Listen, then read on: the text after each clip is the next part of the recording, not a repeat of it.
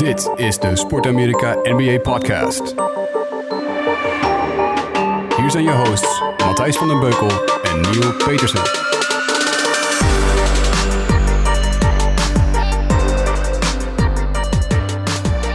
Zo, goeiedag allemaal. Daar zijn we weer. Eh, een week geleden inmiddels. Eh, we gaan weer de NBA-podcast doen. Ik ben Matthijs. En eh, aan de andere kant van de lijn zit Niel. Niel, hoe is het? Goed, goed. Ik mag absoluut niet klagen. En eh, dat heeft natuurlijk ook te maken met eh, ja, de conference finals. En natuurlijk dat ik een eh, leuke tijd heb gehad in Ierland.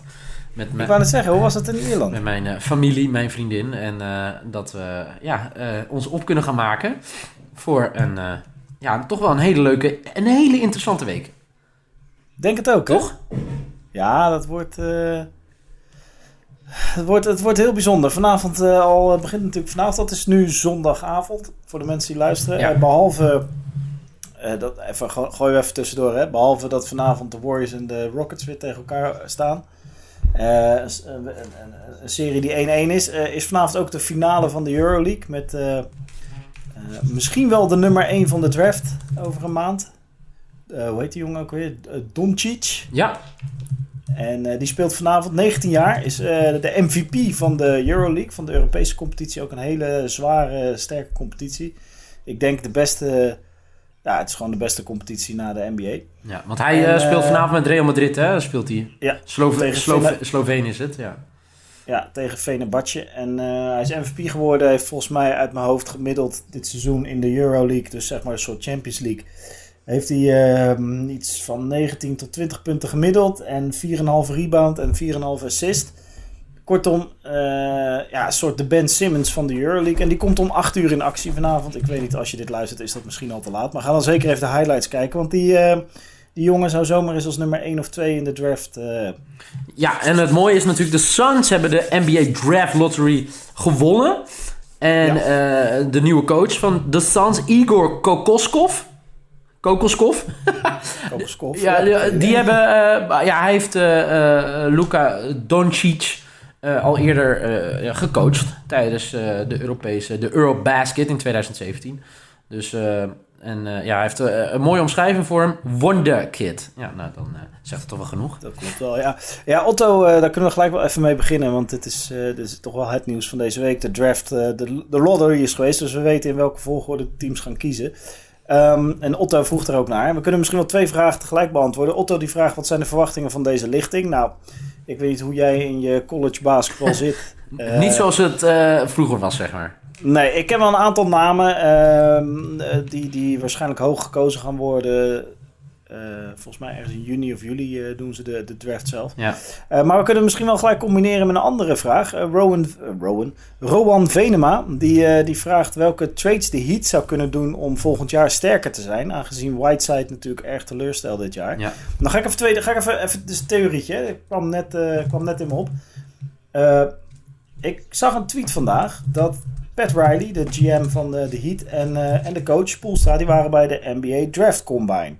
En dat is bijzonder, want waarom zitten de, eh, je zou zeggen, elke coach en elke, eh, elke GM zit bij de NBA Draft Combine, waar de, de beste spelers van eh, de komende lichting hun, een training afwerken. Allemaal dezelfde training, zodat je ze goed kan vergelijken. Ehm, dat is bijzonder omdat de Heat helemaal geen pick hebben dit jaar. Nee. Maar ze zitten er wel.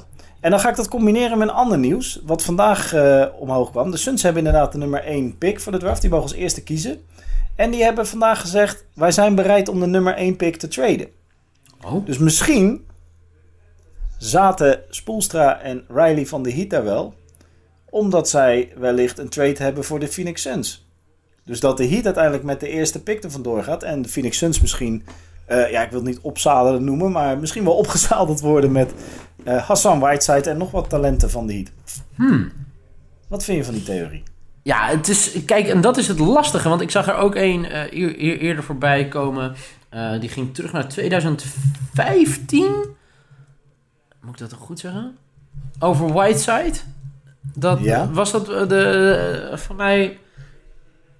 Ik weet niet of het over Whiteside... Het ging over 2015, wat de Celtics, hoe ver zij hadden willen gaan om hem te krijgen, zeg maar. Ja, En ja, uiteindelijk, ja. Eh, achteraf allemaal niet gebeurd. En eh, voor de Celtics heel goed uitgepakt. Maar Eh, ja, dat, het interessante is, je weet nooit wat de gameplan is of lange termijn planning is van een team. Dus ik vind het ook zo lastig als zo'n vraag binnenkomt. Ja, wij zijn geen GM's, we denken er wel over na, maar het is wel lastig hoor. Ja, het is echt een vak apart. Ja.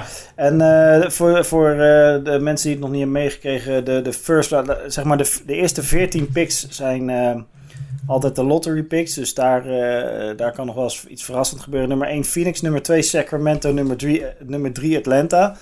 Ja, ik denk dat van die drie toch, dat je toch hoopt stiekem dat je dan bij Phoenix terechtkomt qua jong talent. En eh, Sacramento en Atlanta zijn een beetje dode, dode basketbalsteden de komende jaren. Sacramento heeft gewoon slechte leiding. Atlanta zit echt aan het begin van een wederopbouw. Die zijn natuurlijk een coach kwijtgeraakt, Budenholzer, aan eh, de Milwaukee Bucks. Ja, Dan op 4 Memphis, op 5 Dallas, op 6 Orlando. Ja, Dallas, Memphis wel interessant. Orlando schiet al jaren mis op de draft. Die hebben eh, hoge pick na hoge pick. Maar ja, het beste wat ze tot nu toe hebben is Aaron Gordon. En die gaat wellicht weg dit seizoen. Eh, daarna op 7 Chicago, dat is wel weer interessant. Op 8 Cleveland. Die krijgen een Brooklyn pick via Boston. Vanwege die trade met, eh jij kan zijn naam altijd zo goed uitspreken, Isaiah Thomas. IT. Eh, dus die, eh, ja, die, eh, die Brooklyn pick is via Boston naar Cleveland gekomen. Dus Cleveland mag op de achtste plek kiezen. Op 9 New York en op 10 Philadelphia. Van een Los Angeles, kijk hoor, een eh, Lakers pick die ze krijgen. Eh, dan Charlotte en dan twee keer Clippers en dan Denver. Maar ehm, dat betekent, eh, volgens mij, als ik het goed begrepen heb, zit er een hoop talent in deze lichting. Er zijn een aantal hele interessante spelers. Nou, die Doncic, waar we het over gehad hebben. Eh Trey Young, een, een guard die ik las vandaag. Hij kan of Steph Curry zijn. Dat zou heel fijn zijn voor een team dat hem kiest. Maar hij kan ook net zo goed Seth Curry zijn. Het jongere broertje van Curry. Niet verkeerd hoor. Is gewoon een, een, volwaardige NBA-speler. Maar wel een rolspeler. Niet een, niet een, niet een superster. Nee. En zo zit er, eh, ik ben even, eh, een hele vette naam, Mo Bamba. Mohammed Bamba schijnt een fantastische center te zijn.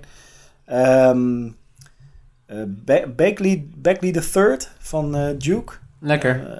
Ja, maar volgens mij een beetje een Wiggins. Weet je wel, kan heel goed scoren. Goed lichaam, maar ja, mist nog wel een paar dingen die, die eruit moeten komen. En ik ben gewoon volledig de naam kwijt van de allereerste. De jongen die, die, ehm, die het gaat doen met... ehm, op, de, op de eerste plek gaat doen met... eh, oh ja, DeAndre Ayton. Maar dit, dit, DeAndre Ayton. ja, Dat is, een, dat is een speler die kan je het beste vergelijken met... ehm, het, het, eh, zeg maar... eh, Anthony Towns. Carl Anthony Towns in Minnesota. Grote speler, toplichaam voor een center, maar kan ook drietjes schieten. Maar kan ook posten. Dus dat is, het wordt hij of eh Doncic waarschijnlijk op de nummer 1 plek. kijk. Was getekend Matthijs van der Beukel. Ja. Hey, eh, tot zover eh, de draft. Eh, misschien kunnen we die ook wel gelijk even tackelen. Jaap de Jong vroeg of Buddenhol Buddenholzer een team gaat maken van de Bucks. We noemden hem net al de oud-coach van Ah, de Hij had voor mij nog best wel wat opties voor mij. Hij heeft ook wel een gesprek gehad, toch? In New York. om daar headcoach te worden. Natuurlijk in 2015 eh NBA-coach van het jaar. Toen gingen ze ook naar de Eastern Conference Finals voor mij. Als ik het goed heb uit mijn hoofd. En, Ja. maar, en ja, hij, eh, voor mij, is, wat hij zei, ja, we hebben een hele goede, goede groep hier. Ja, En- absoluut. Kijken of we de volgende stap hebben. Giannis natuurlijk, maar uh, zij ook uh, Bledsoe, Milton, maar uh, Jabari Parker. Uh, kijken of hij de volgende stap kan, kan gaan zetten met ze. Maar het is wel, het is wel lastig hoor. Er heeft, eh, kijk, volgens mij heeft, de- hebben de Milwaukee Bucks hebben gewoon twee jaar lang stilgestaan. Ja, En eh Antetokounmpo gaat nu eh, volgens mij nog twee of drie jaar op zijn contract. En die liet al een beetje doorschemeren dat er wel echt wat moest gebeuren. Want anders, ja, dat is toch een beetje, de NBA is toch een beetje de, de, de league van de superster aan het worden. Ehm, anders gaat hij weg. En eh, dan zullen de, de, de Bucks moeten traden. Ja, dan wordt het voor Budenholzer ineens een stuk minder interessant natuurlijk. Kortom, een grote uitdaging voor hem hoor, om daar echt een team van te maken. Het, zijn, ehm, het is tot nu toe niet gelukt daar zo. Dan hadden ze ook niet de beste coaches. En Budenholzer kon ook nog kiezen voor eh, de Toronto Raptors trouwens. Die eh, hadden ook wel interesse in. Er zijn gewoon een aantal teams nu die geen coach hebben die best wel interessant zijn. En ik denk dat de Bucks daar een van de meest interessante voor was. ja absoluut. Uh, kijk zeker qua potentie, toch? Ze waren ook voor mij... Ja, nou ja, New York was ook vrij. En uh, daar heb je natuurlijk ook gewoon Porzingis lopen. Hoewel die tot de kerst waarschijnlijk uh, geblesseerd is. Ja. En New York ook best wel weer hoog in de draft dit jaar. Plek 9. Dus daar, daar kun je ook weer iets interessants mee doen. Maar die hebben natuurlijk Fitzdale van Memphis. Daar hebben we het de vorige keer over gehad. Die hebben aange, aangetrokken. Ja. Dus uh, er gaat weer gewoon een hoop, hoop, uh, gaan weer een hoop interessante off-season dingetjes gebeuren. Dus dat, dat blijft boeiend. We moeten het hebben Hey. over de, de, ja, de play-offs. Ja, want dat is waar het nu eigenlijk allemaal om draait natuurlijk. En Ja. ik heb gelijk, gelijk een vraag voor jou. Geert Drost, Geert Drost vroeg... Hoe groot is de angst van Neil voor LeBron na de blowout van vannacht? Nou, die eh, angst was er al. Laat ik dat vooropstellen als jij hem in game 2 hebt gezien. Kijk, game 1 was er iets interessants aan de hand. Zo heb ik LeBron serieus nog nooit gezien. Hè? Eh, hij, hij, eh, hij kwam gewoon niet los. Hij kwam niet los. Hij komt altijd los. LeBron komt altijd los. Ja, en nu, eh, ik zag al in game 2, had hij voor mij 45 punten. En ja, ja, het sloeg gewoon ook nergens op. Gisteren in game 3, weet je, dat hij... ja, eigenlijk het verschil tussen game 2 en game 3 is, is dat ze op een gegeven moment in game 2 kwamen ze ook voor. Ze ook een ruime voorsprong. Maar uiteindelijk eh, kwamen de Celtics terug. En eh, ja, uiteindelijk eh, was het voor mij 30 punten verschil uiteindelijk. Dus eh, ja, en het lijkt wel als... er moet zeg maar nog meer spanning op staan en dan komt LeBron nog meer los.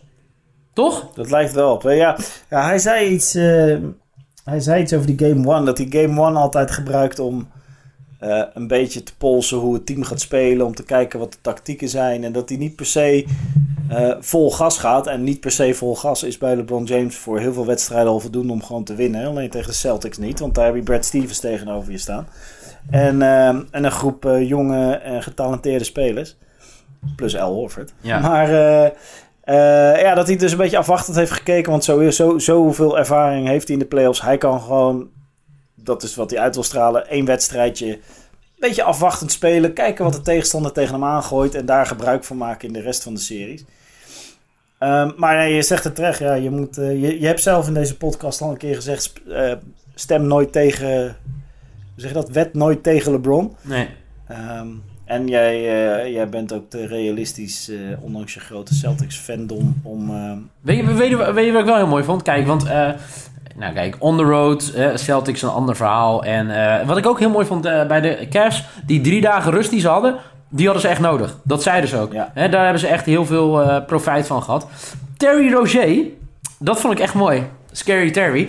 Ehm, Dat die zei, we hadden dit nodig.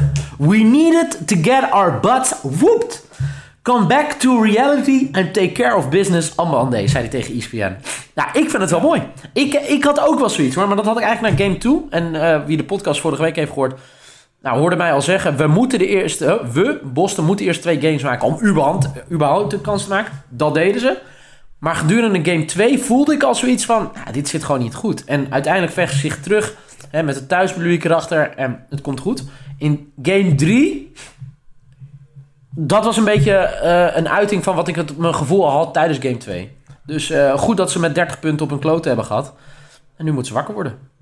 ja, nee, je- en je mag eh, blij zijn. eh, de Celtics mogen blij zijn dat ze het thuisvoordeel nog steeds hebben. Ja, Dus dat ze niet op, in game 2 op een kloot hebben gekregen, hoewel LeBron wel echt zijn beste voor deed. ja absoluut. Ehm, maar nee, ja, zeker. En een serie die absoluut nog niet gespeeld is, maar dat zeiden we vorige week al, dat geldt voor allebei. 7 hè, gaan En we die- naartoe toch? Ja, dat zou toch mooi zijn, Niel. Zeven games in beide series. Want laten we niet vergeten, hè, mochten ze maandag wel hè, er klaar voor zijn, overigens wat denk ik niet, maar eh, eh, dan kan het gewoon heel snel klaar zijn. Want dan is het 3-1 en Boston ja. ja, thuis nog helemaal niks verloren. Dus Nou ja, vorig jaar was het, was het vorig jaar?